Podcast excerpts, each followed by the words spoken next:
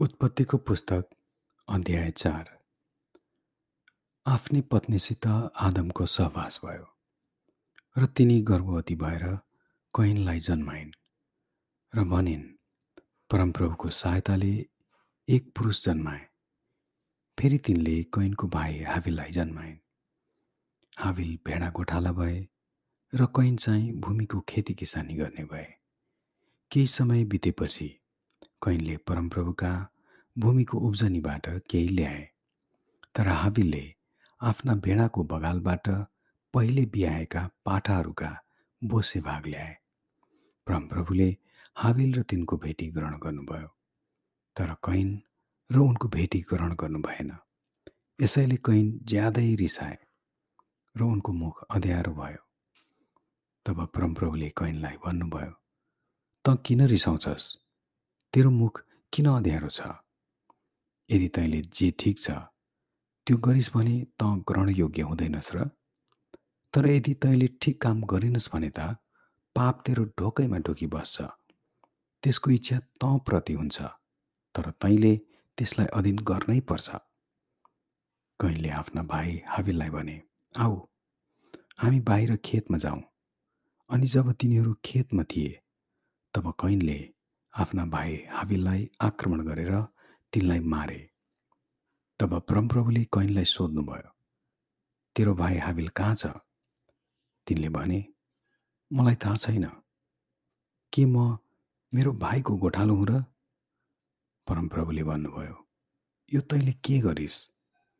तेरो भाइको रगतले भूमिबाट मलाई दुहाई दिइरहेछ। त अब श्रापित भएर यस भूमिबाट खिदिएको छस्।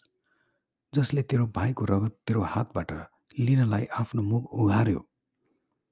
तैँले भूमिको खेती गर्दा अब उपरान्त त्यसले तँलाई आफ्नो उब्जनी दिने छैन। त पृथ्वीमा एक बिना चैनको डुलुवा हुनेछस्। कैनले परमप्रभुलाई भने मैले सहनै नसक्ने कडा दण्ड मलाई भयो। हेर्नुहोस् आज तपाईँले मलाई यस भूमिबाट निकालिदिनुहुन्छ। र तपाईँको उपस्थितिबाट मैले लुक्नु पर्नेछ म पृथ्वीमा बिना चैनको डुलुवा हुनेछु र मलाई फेला पार्ने जोसुकैले पनि मलाई मार्नेछ। तर परमप्रभुले तिनलाई भन्नुभयो त्यसो होइन। जसले कैनलाई मार्छ त्यससित सात गुणा बदला लिनेछ।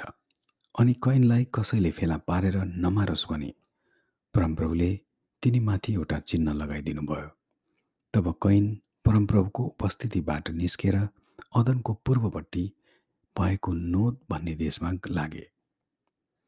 आफ्नी पत्नीसित कैनको सहवास भयो र गर्भवती भएर तिनले हनुकलाई जन्माइन्। कैनले एउटा सहर बनाएर आफ्नो छोराकै नाउँमा त्यस सहरको नाउँ हनोक पनि राखे। हनोकबाट इरादको जन्म भयो। इरादबाट महुयालको जन्म भयो। महुयालबाट मतुसायलको जन्म भयो। मतुसायलबाट लेमेकको जन्म भयो। लेमेकले दुईजना पत्नी ल्याए। एउटीको नाम आदा र अर्कीको सिल्ला थियो। आदाले याबाललाई जन्माइन्। उनी पालमा बस्नेहरू र पशु पाल्नेहरूका पुर्खा थिए।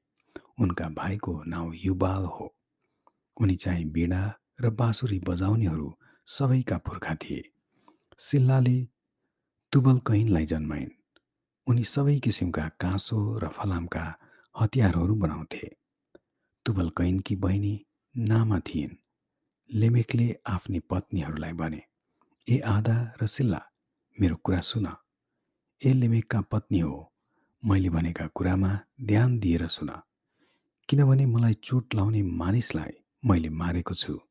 मलाई घाइते बनाउने जवान मानिसलाई यदि कैनको बदला सात गुणा लिइन्छ भने लेमेकको चाहिँ सत्तर गुणा लिनेछ फेरि आफ्नी पत्नीसित आदमको सहवास भयो र तिनले एकजना छोरो जन्माइन् र तिनको नाउँ यसो भनेर सेत राखिन्। कैनले मारेको हाविलको सट्टामा परमेश्वरले एकजना अर्को बालक मलाई दिनुभयो। सेतको पनि एकजना छोरो जन्म्यो।